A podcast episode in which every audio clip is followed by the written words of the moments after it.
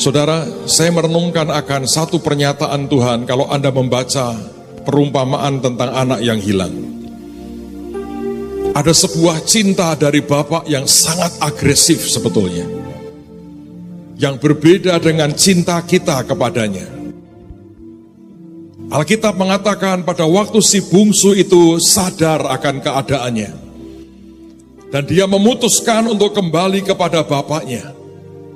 Ingat pada waktu itu bahkan untuk makan saja dia tidak bisa makan.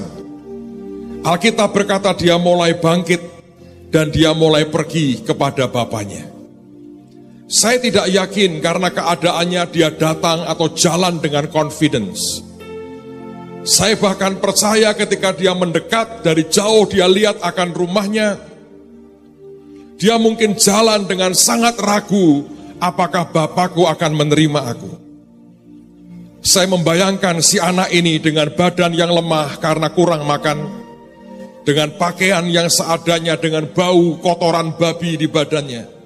Dia jalan dengan tidak punya keyakinan apakah bapaknya masih mau terima dia.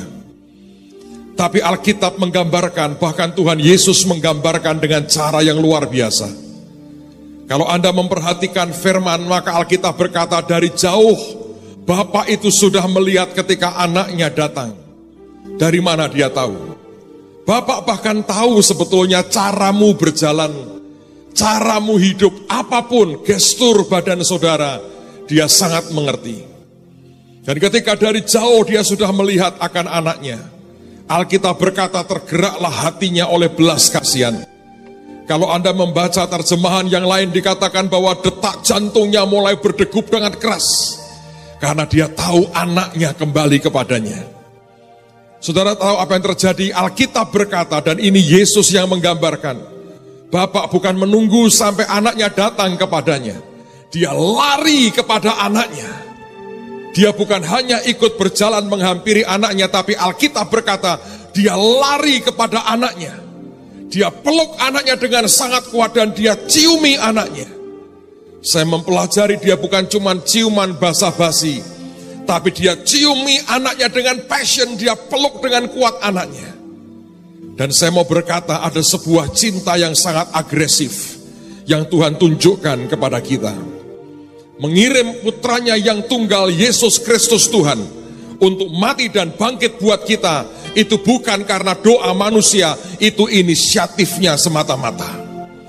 Memberikan anaknya berkorban buat kita itu bukan karena doa dan rengean manusia, tapi karena kasihnya membuat dia berkata, aku akan lakukan ini sekalipun manusia tidak memintanya. Saya berdoa dalam kehidupan kita dengan Tuhan, Jangan pernah kita pergi dan lepas dari yang namanya cinta daripada Bapak dalam kehidupan kita. Saudara saya ingin menggambarkan sesuatu, mungkin tidak pernah terfikir dalam kehidupan saudara seperti apa itu. Saya pernah ceritakan kejadian ini beberapa minggu yang lalu. Tapi izinkan saya mengulang buat saudara.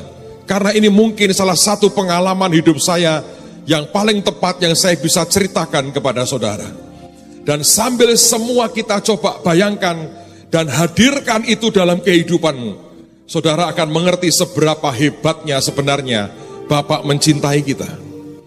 Bertahun-tahun yang lalu bahkan sebelum kita punya Holy Stadium ini, pada waktu itu Brother John sedang berkhotbah di gereja. Kita selesai sangat awal, kira-kira jam 9 ibadah selesai. Lalu kemudian saya dengan Pak Tim menemani dia, dan kemudian kami ajak dia datang ke ujung jalan di tempat ini. Belum ada rencana dan tidak tahu apakah tanah ini akan dijual.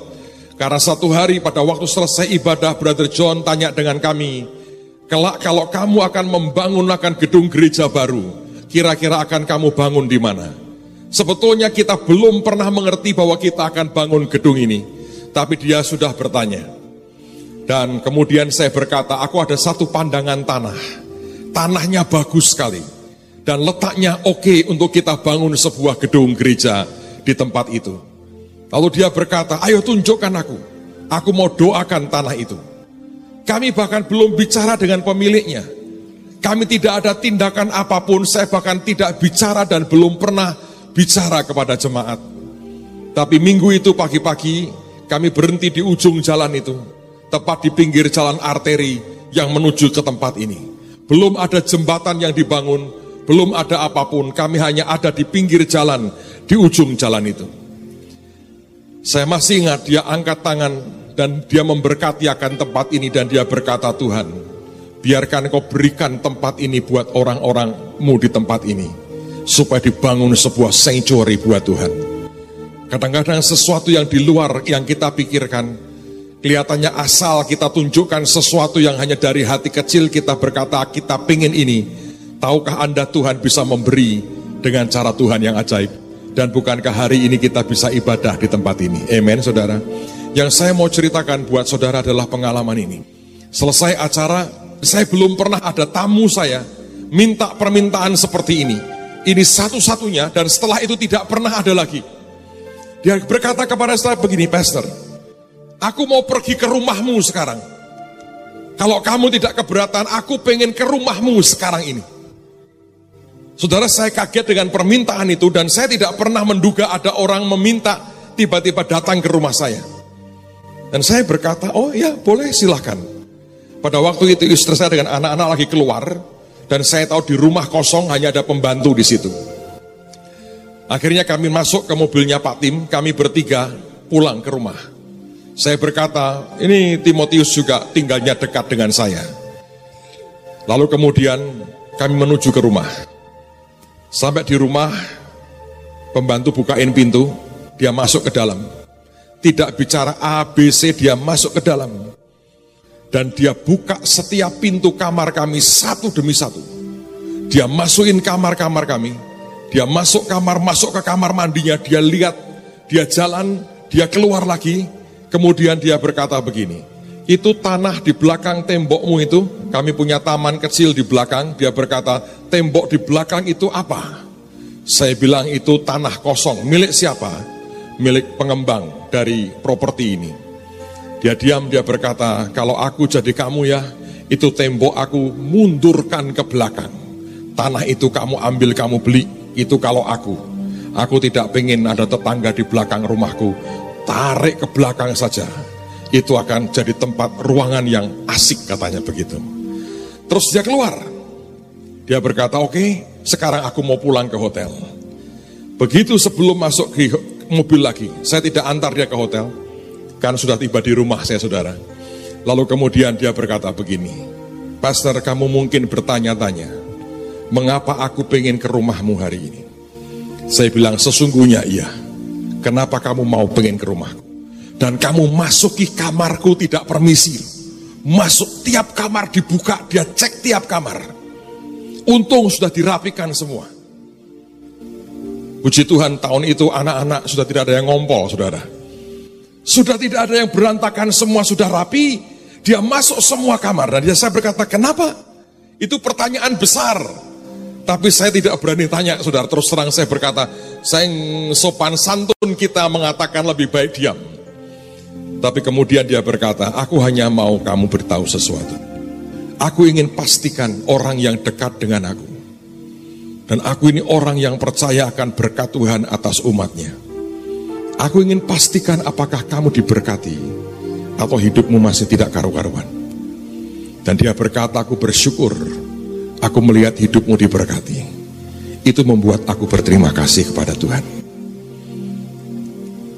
Saudara Anda tahu the rest of the story. Bahkan akhirnya, waktu itu tanah akhirnya saya beli. Dia yang sebetulnya bangunkan kolam renang buat kami. Sampai dengan hari ini. Kalau satu orang tua, di mana Anda berteman dengan dia bisa berpikir seperti itu yang berkata kalau engkau adalah temanku, kamu orang yang dekat dengan aku, aku pengen tahu apakah hidupmu diberkati. Saudara betapa lebih besarnya lagi yang namanya Bapak di surga. Bisakah Anda membayangkan selesai ibadah ketika saudara keluar meninggalkan gereja ini? Tiba-tiba bapakmu ada di sebelahmu. Dia tepuk bahumu, dia bilang, nak, Aku mau ke rumahmu sekarang. Dan Anda kaget lihat dia berkata, Bapak mau ke rumahku. Ya aku mau ke rumahmu. Sebagian Anda akan mungkin berkata, Bapak, aku nggak punya rumah. Aku belum hanya bisa ngekos hari ini. Sebagian lagi akan berkata, Bapak, aku nggak punya rumah. Aku masih kontrak dan baru saja kebanjiran. Engkau mau ke rumahku? Sebagian lagi berkata, Bapak, aku belum punya rumah. Ini rumah mertua indah yang aku ikuti. Walaupun kadang mertuaku tak seindah yang kuharapkan. Aku nggak punya rumah. Dan Bapak akan berkata, it's fine. Aku mau ke rumahmu. Aku mau ke tempat di mana engkau tinggal. Dan dia berkata, Bapak, aku tadi kemarin naik sepeda motor. Bapak berkata, aku bonceng di belakang ya. Helmku cuma satu, Bapak. Oh, aku bisa buat helm sekejap. Yang seperti Iron Man, aku bisa. Tenang aja. Pernahkah Anda membayangkan dia masuk ke rumahmu? Begitu mau duduk Anda bingung karena kursimu isinya tumpuan pakaian kotor yang belum dicuci. Sebagian lagi masih berantakan. Anda mesti geser sana sini, biarkan dia duduk.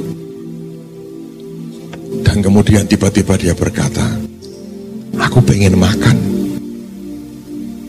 Anda bilang, Bapak, aku nggak punya apa-apa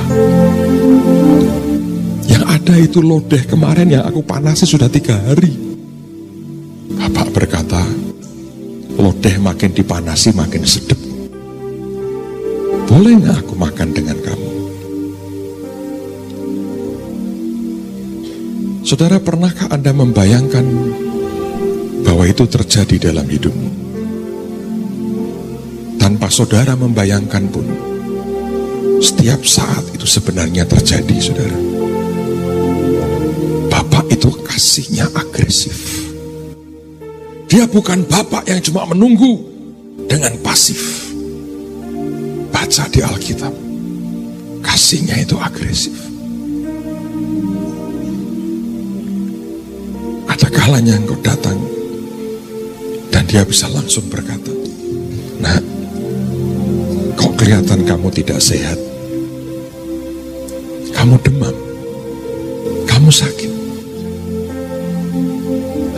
Ada dia datang ke rumahmu. Anda sedang gemetar. Dan dia berkata, kamu ditagih utangnya. Dia tahu semua loh saudara. Percayalah. Dia tahu semuanya.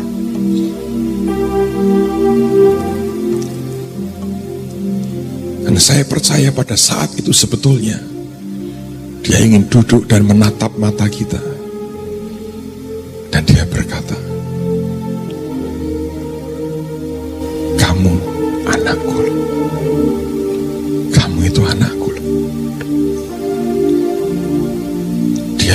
sekitar rumah Anda. Dan dia tatap matamu dalam-dalam. Tidakkah kamu tahu, kamu itu anakku.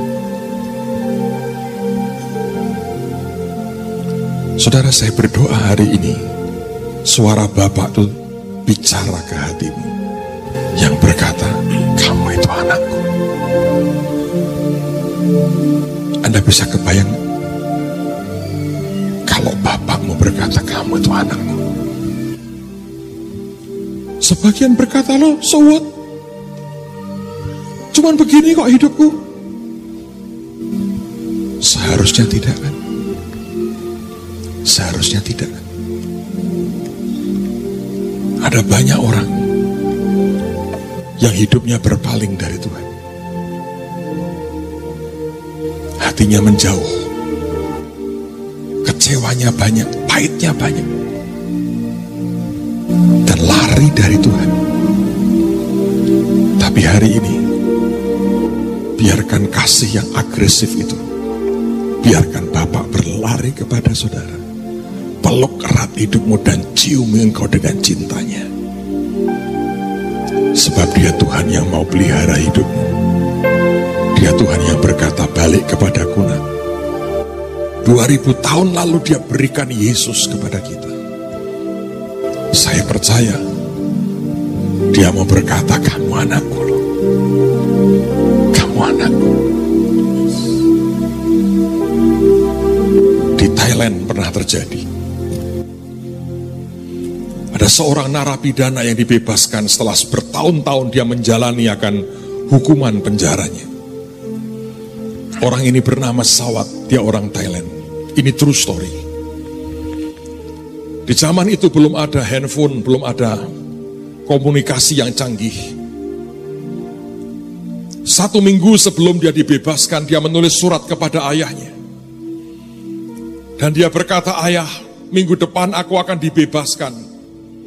Aku akan naik kereta pulang ke kampungku, pulang ke rumah. Dan dengan gemetar sawat berkata, tapi aku bertanya apakah ayah masih mau menerima aku? Karena hidupku sudah berantakan, hidupku sudah begitu kacau. Hidupku sudah tidak ada artinya, aku ini orang jahat. Tidak ada masa depan lagi buat aku. Sedang ayah adalah seorang yang terpandang di kampung. Dalam suratnya Sawat mengatakan, kalau ayah masih mau terima aku, tolong beri tanda karena aku takut ketemu dengan engkau. Kalau ayah ingin masih mau terima aku, tolong gantungkan satu pakaianmu di pohon besar di depan rumah kita. Supaya dari jauh aku bisa melihat apakah ayah masih mau terima aku atau tidak. Gantungkan pakaian, satu pakaian pada pohon besar di depan rumah kalau ayah gantungkan satu pakaianmu, maka aku akan kembali ke rumah. Tapi kalau ayah tidak mau terima aku, aku tidak bisa menyalahkanmu. Jangan taruh apa-apa pada pohon besar di depan rumah kita. Dia kirim surat itu kepada ayahnya. Dan satu minggu kemudian dia pulang, dia naik kereta kembali ke kampungnya. Dia harus naik kereta berjam-jam sebelum sampai tiba di kota kecil di mana dia pernah dilahirkan dan dibesarkan. Dia turun dari kereta dengan badan sudah begitu kurus dan dia gemetar sekali. Dari orang yang sangat jahat yang tidak takut dengan manusia, hari itu dia takut melihat keputusan ayahnya. Apakah si ayah masih mau terima dia atau tidak? Saudara pada waktu dia jalan, hatinya berdegup keras dia berkata, apakah ayahku masih mau terima aku? Dan singkat cerita dia jalan akhirnya tiba di dekat rumahnya. Dan dari kejauhan dia melihat pohon besar yang ada di depan rumahnya. Dia pengen melihat apakah ada satu pakaian yang digantung pada pohon itu atau tidak ada sama sekali. Begitu dia mendekat rumah itu dalam jarak sekian puluh meter, pemandangan yang dia lihat itu meruntuhkan hatinya dan dia tersungkur di tanah dan tidak bisa bergerak. Sebab dia melihat pada pohon besar itu, ayahnya bukan hanya menggantung satu pakaian, semua pakaian ayahnya digantung pada pohon itu. Si bapak mau berkata, engkau minta satu pakaian, nak. Seluruh hidup, seluruh pakaianku, seluruh penantianku adalah menunggu saat engkau balik pada hari ini. Dia gantung seluruh pakaiannya hingga pohon besar itu penuh dengan pakaian bapaknya. Supaya bapak mau berkata, supaya dari jauh engkau tahu, ini hari yang aku rindukan engkau kembali kepadaku. Saya tidak tahu dengan hidup saudara hari ini. Tapi kerinduan terbesar adalah Tuhan mau berkata balik kepadaku. Yesus sudah mati bagimu. Kembali kepadaku. Yesus mati dan bangkit buat engkau supaya engkau diselamatkan. Mari percaya, Bapak yang pelihara hidup kita, yang percaya katakan amin. Katakan Bapak, Bapak, aku kembali, aku kembali kepadamu. kepadamu. Ampuni Bapak, Ampuni Bapak semua dosaku. semua dosaku. Ampuni Bapak, Ampuni Bapak semua semua pemberontakanku. pemberontakanku. Aku buka hatiku. Aku buka hatiku. Aku terima Tuhan Yesus Aku terima Tuhan Yesus sebagai Tuhanku, sebagai Tuhan, Juru Selamatku, Juru Selamatku, dan Raja dalam hidupku. Raja dalam hidup. Berikan kepadaku Berikan kepada hati yang baru. hati yang baru. Berikan kepadaku Berikan kepada hidup yang baru. yang baru. Mulai hari ini, Mulai hari ini hidupku hidupku dalam tangan pemeliharaan Bapak di sorga. Tulis namaku Tulis namaku dalam kitab kehidupan dalam kitab kehidupan yang ada di sorga. yang ada di surga. Berikan kepadaku Berikan lahir baru di dalam nama dalam nama Tuhan Yesus. Tuhan Yesus. Hamba berdoa demi nama Yesus. Alirkan kasih-Mu Tuhan. Alirkan kasih-Mu. Dalam nama Tuhan Yesus. Kami percaya Engkau pelihara hidup kami Tuhan. Dan disampaikan kebenaran firman-Mu. Ubah hidup kami. Kami tahu sesuatu yang ilahi Amin. melanda kami hari ini. Terima kasih buat jiwa-jiwa yang dibawa datang kepadamu. Kami percaya semua untuk kemuliaan-Mu Tuhan. Nama Tuhan Yesus. Semua yang siap diberkati berkata Amin. Amin. Shalom. Mari kita buka firman Tuhan dalam Injil Markus pasal yang kedua ayat 14 sampai dengan ayat yang ke-17. Markus pasal 2 ayat 14 sampai dengan ayat yang ke-17. Alkitab berkata, kemudian ketika ia berjalan lewat di situ, ia melihat Lewi anak Alfeus duduk di rumah cukai, lalu ia berkata kepadanya, ikutlah aku. Maka berdirilah Lewi lalu mengikuti dia. Kemudian ketika Yesus makan di rumah orang itu, banyak pemungut cukai dan orang berdosa makan bersama-sama dengan dia dan murid-muridnya. Sebab banyak orang yang mengikuti dia. Pada waktu ahli-ahli Taurat dari golongan Farisi melihat bahwa ia makan dengan pemungut cukai dan orang berdosa itu, berkatalah mereka kepada murid-muridnya, Mengapa ia makan bersama-sama dengan pemungut cukai dan orang berdosa? Yesus mendengarnya dan berkata kepada mereka, Bukan orang sehat yang memerlukan tabib, tetapi orang sakit. Aku datang bukan untuk memanggil orang benar, melainkan orang berdosa.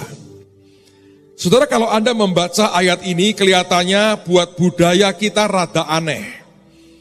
Tapi mungkin juga tidak terlalu aneh kalau kita bisa melihat akan konteksnya. Ada seorang pemungut cukai bernama Lewi yang Tuhan berkata, ikutlah aku. Dan ketika dia meninggalkan semuanya, dia ikut Tuhan Yesus, maka suatu hari dia mengundang Tuhan datang ke rumahnya, dan dia membuat akan sebuah perjamuan makan. Dan orang banyak datang karena Tuhan juga dengan para muridnya, dan orang banyak mengikuti dia, dia berkata, ayo semua datang ke rumah, semua makan. Maka pemungut cukai ini juga punya teman, dan temannya ya pemungut cukai. Dan mungkin juga orang-orang berdosa lain dia undang. Dia mau berkata, ayo datang, aku lagi kedatangan tamu yang luar biasa. Seorang nabi besar mungkin yang sedang mengundang aku untuk ikut dia. Dan aku mau ikut dia meninggalkan semua pekerjaanku. Saudara kalau Anda mengerti akan tradisi pada zaman itu atau hukumnya, untuk orang menjadi pemungut cukai sendiri, itu tidak mudah. Yang pertama dia tidak boleh miskin. Dia harus punya, dia taruh di kas orang Roma, itu sepertinya adalah uang jaminan. Lalu kemudian di tiap distrik itu ada target. Nah untuk jadi pemungut cukai itu rebutan.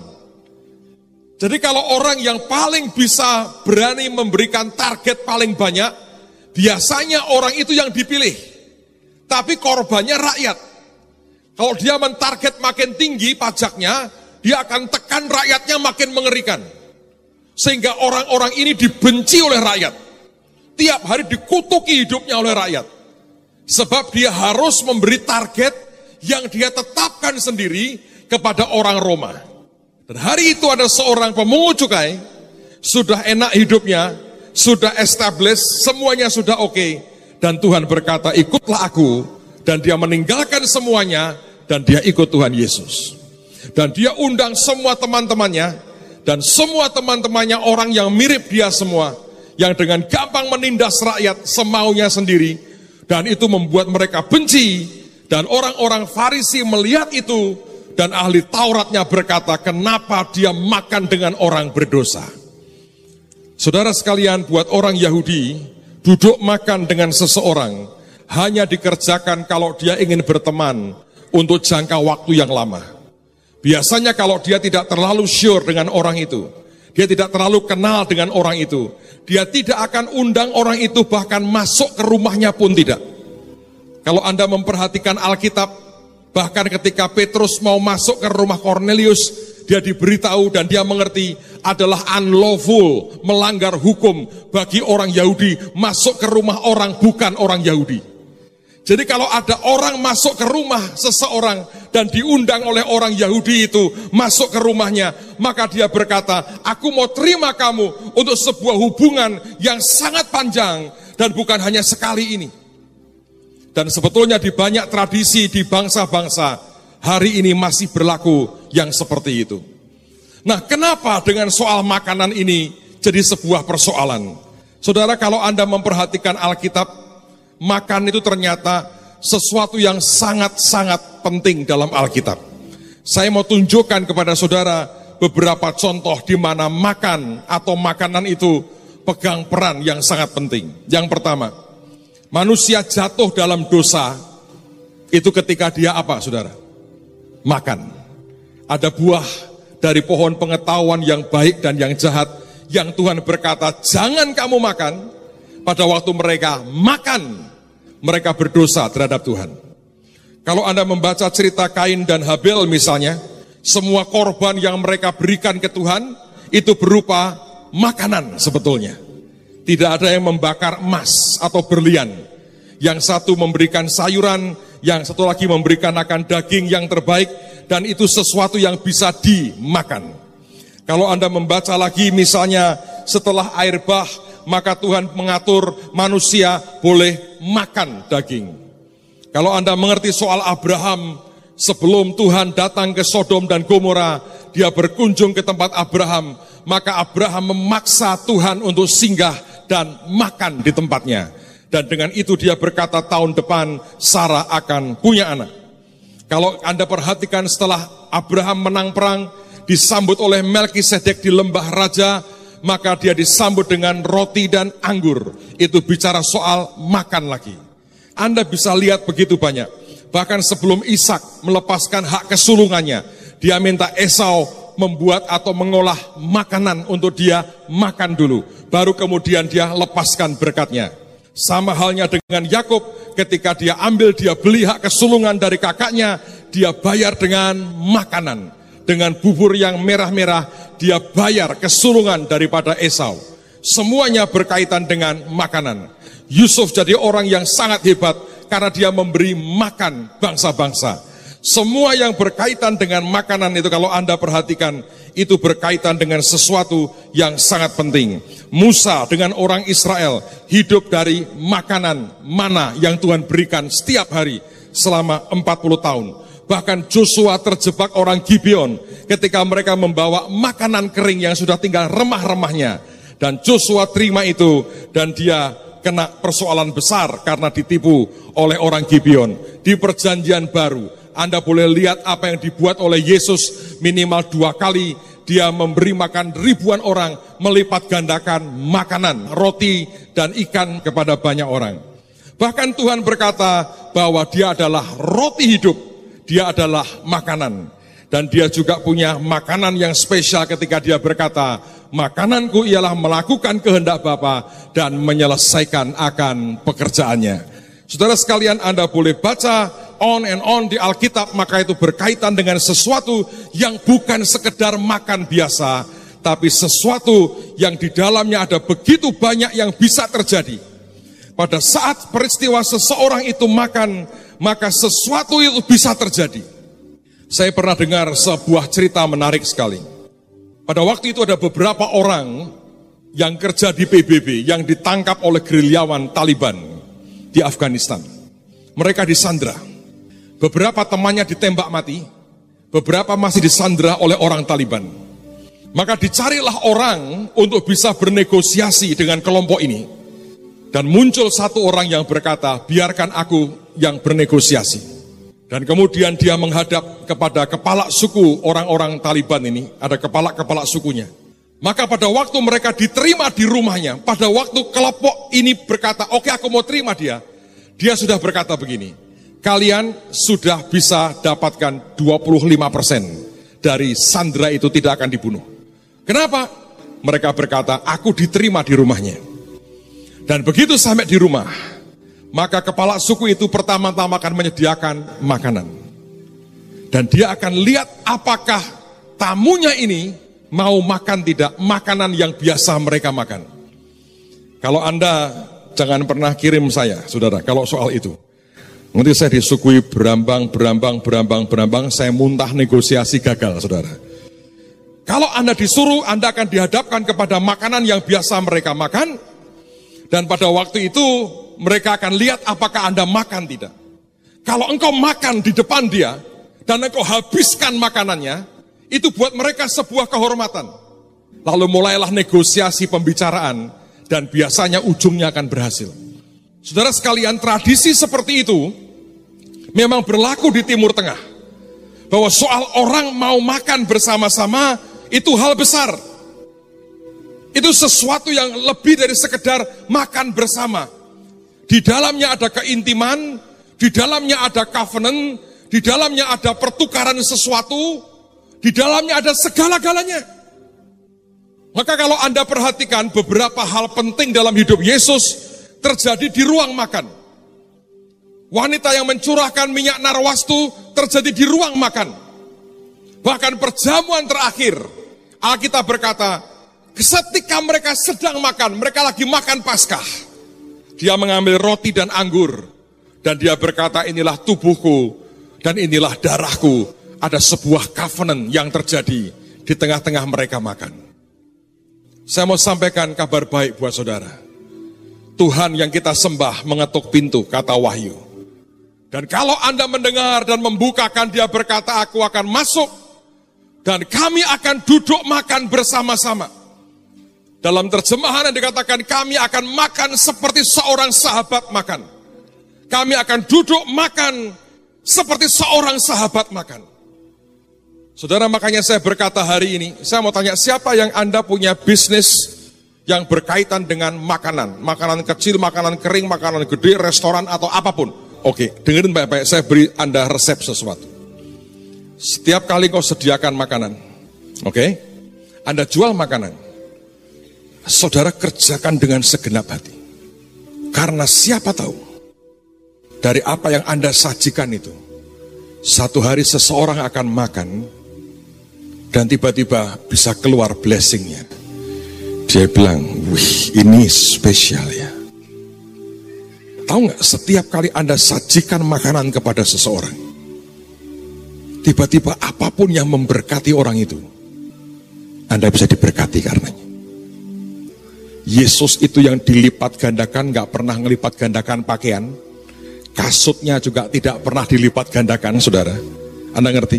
Jubahnya juga tidak dilipat gandakan. Dia melipat gandakan makanan. Saya berdoa Tuhan akan memberkati bisnismu tahun ini.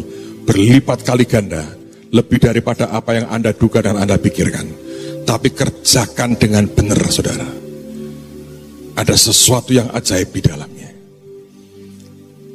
Dan kalau ini sudah menyangkut soal persahabatan, menurut saya urusannya sudah akan beda sekali. Adalah kehendak Tuhan yang sempurna sebetulnya. Ingin menjalin persahabatan dengan saudara. Setiap kali kita terima tubuh dan darahnya, jangan sekedar berkata, oh ini cuma bagian dari sakramen biasa. Anda harus melihat Tuhan sedang menjamu Anda. Dan dia mau berkata, kamu jadi sahabatku untuk selama-lamanya. Anda bisa kebayang itu. Kami baru pulang dari Amerika. Anak saya, Joseph ikut dengan saya. Kami terbang dari Indonesia sampai ke New York dengan beberapa teman. Dan di New York kami dua malam. Terus saya harus terbang ke Washington DC. Saya dapat undangan dari persekutuan yang dibuat oleh para senator dan kongres Amerika. Mereka buat National Breakfast, Prayer Breakfast sama-sama. Saya terbang ke Washington DC pagi-pagi sekali. Sedang anak saya pergi terbang ke Dallas sore harinya. Kenapa dia tidak dengan kami sebab sebetulnya pada waktu sekian bulan lalu, terutama pada waktu di Filipina sebelum kami pulang ke Indonesia pagi-pagi atau siang itu, Brother John ngomong dengan saya pribadi dan Sister Pat istrinya. Dia berkata, Pastor, aku pengen anakmu terbang ke rumahku. Dan Sister Pat yang berkata, Pastor, saya tidak tahu kenapa saya jatuh cinta sama anakmu. Wah, saya bilang itu juga aneh itu. Itu sebuah keanehan. Saya aja biasa-biasa, saya berkata gitu. Saya ketawa gini, saya pengen mengadopsi dia. Wah, saya berkata kamu nggak tahu, makannya luar biasa. Lalu dia bilang, tolong kirim anakmu ke tempatku. Saya bilang, oke. Okay. Singkat cerita, saudara sekalian, ya, saya tinggal dulu ke Washington. Dia tadinya sudah, uh, uh, uh, akhirnya terbanglah dia ke Dallas Fort Worth. Apa yang dia ceritakan ke saya belum komplit. Dia agak pelit berbagi cerita dengan saya soal ini. Dia simpan untuk dirinya sendiri. Tapi saya bisa menggali sedikit-sedikit dari hidupnya. Apa yang terjadi. Saudara kita ini bergaul dengan mungkin puluhan ratusan hamba Tuhan di seluruh dunia. Tapi mungkin tidak banyak yang hubungan itu sampai sebegitu dalam. Dan menjalinnya jadi berbeda. Dia cerita dengan saya, Begitu dia mendarat di Dallas, dia keluar. Brother John dengan anaknya, dengan siapa saya nggak tahu, empat orang sudah menunggu dia di luar airport. Dan mereka sangat demonstratif buat poster besar. Welcome to Texas, Minister Joseph. Saya bilang kurang adil tuh rasanya ya. Buat saya itu kurang adil. Harusnya kan buat bapaknya. Ini enggak, ini anak ini. Keluar kelidik-kelidik disambut duduk di limusin. Dia baru bilang, kok kayak naik angkot ya Pak duduknya miring begini. Karena memang panjang. Yang duduk paling enak ya buat yang tua, tidak duduk di samping. Saudara, yang dia cerita, ayah papinya Jason yang kita. Dia berkata ke Brother John, jangan taruh dia di hotel, biar di rumahku. Saudara buat orang seperti mereka, orang asing tanda petik dibawa masuk ke rumahnya. Tidak lazim. Sangat tidak lazim. Dia bilang, jangan taruh di hotel. Taruh di rumahku. Sampai di rumah, dia pamerin saya ini, aku dimasain ini. Nang, saya bilang, sego ayam lu enak, nang. Saya berkata, papi itu kampungan, bener. Ini itu Texas. This is Texas, baby. Katanya gitu. Oh ya sakarepmu nang, aku senengnya sego ayam. Dan dia berhari-hari di situ. Saya nggak tahu apa yang terjadi. Satu hari dia lagi kumpul sharing doa bareng. Saudara. Sesuatu menjamah hatinya lah. Sesuatu menjamah hatinya. Saya nggak mau cerita detail. Jadi saya selesai ini saya dimarahi. Papi cerita semua. Saya nggak mau cerita detail. Tapi kemudian Brother John berkata begini. Aku tidak ingin hubungan hanya seperti ini dengan kamu. Aku pengen izinkan aku masuk di hidup dan hatimu lebih dalam. Dan itu tidak ngomong sama saya. Dan dia berkata gini, boleh nggak mulai hari ini, jadikan aku itu engkongmu. Dan ini makmu. Tanpa izin, tanpa mengurangi rasa hormat kepada mak dan engkong yang sedarah daging, saudara. Dia berkata, boleh nggak panggil aku sekarang? Mereka punya panggilan khusus panggil aku engkaumu dan ini omamu. Yang ajaib kemudian ayah dan ibunya Jason, papi maminya Jason. Anak saya ini menurut aku keren sih, keren dalam hal tertentu, keren. Dia ngomong begini, kalau kamu adalah engkong dan oma, bagaimana dengan papi dan maminya Jason? Brother John bilang, dia juga jadi papi dan mamimu. Satu hari dikumpul keluarga. Dan dia ngomong, aku sekarang jadi cucunya John. Dia nggak boleh panggil lagi Brother John, nggak boleh. Ada panggilan khusus, saya nggak mau cerita, biar buat dia saja. Terus dia bilang, apakah aku juga boleh panggil kamu Daddy dan Mami? Dia kok mengkoleksi orang tua kakek yang banyak sekali orang tua dia ini. Dan dia berkata, ya, panggil aku Dedimu. Hubungan jadi beda. Mereka foto bersama, pakai mahkota dari kertas, saudara. Royal Family. Saya nggak dilibatkan di situ. Ya nggak apa-apa. Dan sudah saya duga, hari Minggu dia terbang ke Philadelphia, temui saya, hampir tidak mau. Dia bilang, papi aku nanti Senin aja langsung ke LA, ketemu di LA. Saya bilang, nggak bisa, tiket saya dirubah. Ada beberapa orang mau jemput, saya berkata gini, Pak, anak bapak seperti apa? Saya bisa pastikan, kalau kamu lihat anak gendut, wajah Cina, pakai topi koboi, gaya seperti orang Texas, itulah dia. Kok bapak tahu? Sudah kuduga. Dia akan gaya dengan gayanya.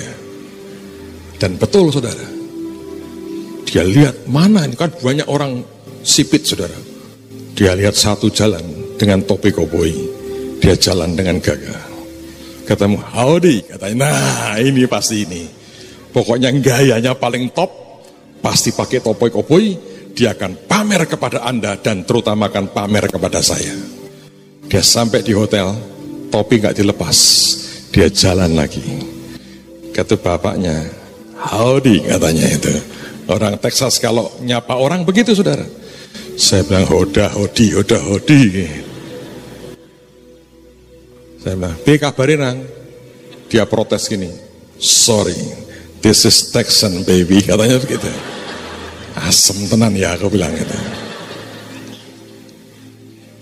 Saya melihat apa yang terjadi saudara. Relationship. Hubungan. Bukan cuma orang datang berkunjung empat hari dan kemudian selesai. Tuhan dengan kita ya sama. Dia tidak sekedar berkata nih, gua kasih makan, gua kasih makan, gua berkati, selesai. Yang dia mau Anda dan dia adalah sebuah hubungan, relationship bapak dengan anaknya. Anda bisa ngerti itu? Bapak dengan anaknya. Dia masih belum mau cerita banyak. Dia simpan buat dirinya sendiri. Saya bilang, baiklah itu adalah harta karunmu. Saya berdoa, Anda bisa ngerti. Cuma gambaran singkat. Tapi saya mau berkata buat saudara. Bapak lebih lagi. Setiap kali dia jamu kita makan. Dan dia bilang, ayo makan nak. Ayo makan. Setiap kali Anda tahu kasihnya. Sebetulnya hubungannya berkata, ayo makan dengan aku. Kalau Anda punya orang terkenal aja, Anda bisa bangga dengan dia. Tapi kalau Anda tahu Bapakmu dan di surga itu, sayangnya luar biasa dengan Anda. Setiap kali Anda ngalami apa pun, Anda datang ke Bapakmu berkata, Bapak, ini aku Pak. Dan Bapakmu berkata, ya nak, aku tahu, kamu anakku. Siapa bahagia punya Bapak di surga? Sebagian orang susah untuk bisa mengerti itu kalau Anda tidak pernah punya hubungan yang betul dengan ayahmu di dunia ini. Tapi saya mau berkata, dia Bapak yang sempurna, Tuhan yang baik, dan Bapak yang pelihara hidup kita. Yang percaya katakan amin. Setiap kali Anda berdoa, jangan jadikan sebagai sebuah kerutinan biasa. Tapi Anda datang dengan berkata, Bapak ini aku. Anda akan mengalami Tuhan yang luar biasa. Amen, saudara. Saya rasakan ada kasih Tuhan yang ajaib. Masih dialirkan di tengah-tengah kita. Ayo semua sembahyang. Minta anugerahnya dicurahkan. Minta kasih Bapa dilimpahkan buat kita hari ini. Terima kasih Tuhan. Awal saya ngerti, faham soal makanan ini. Beberapa hari yang lalu ada beberapa saudara pergi ke Israel. Mereka pergi bukan untuk tur, tolong bantu doa. Mereka pergi mau buka setup sebuah restoran di kota Yerusalem. Saya ngomong dengan mereka, saya bilang, kasih makan bangsa-bangsa. Kamu buka restoran dengan sebuah understanding. Ini bukan sekedar bisnis. Kamu kasih makan. Wakili bangsa ini, berkati bangsa-bangsa. Nanti kalau sudah buka tur ke Israel lain, Anda bisa makan nasi padang di Yerusalem. Bayangin saudara.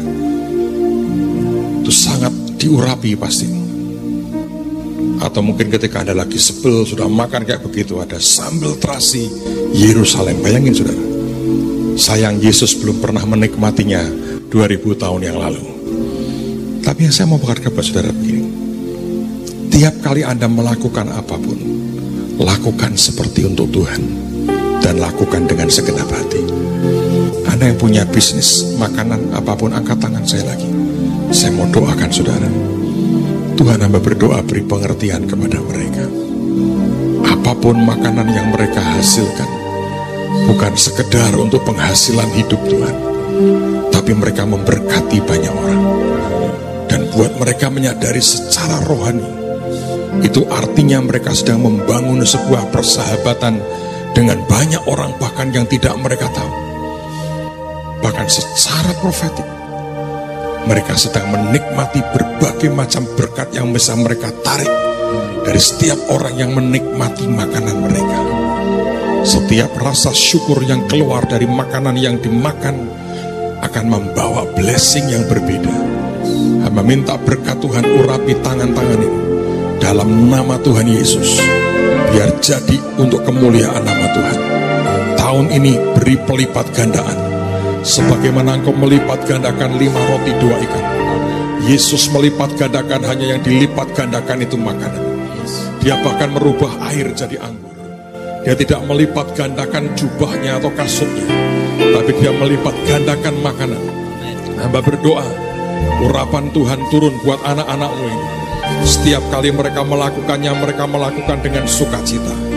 Tahun yang ajaib buat mereka telah datang. Tahun berkat Tuhan dicurahkan dengan ajaib di dalam nama Tuhan Yesus.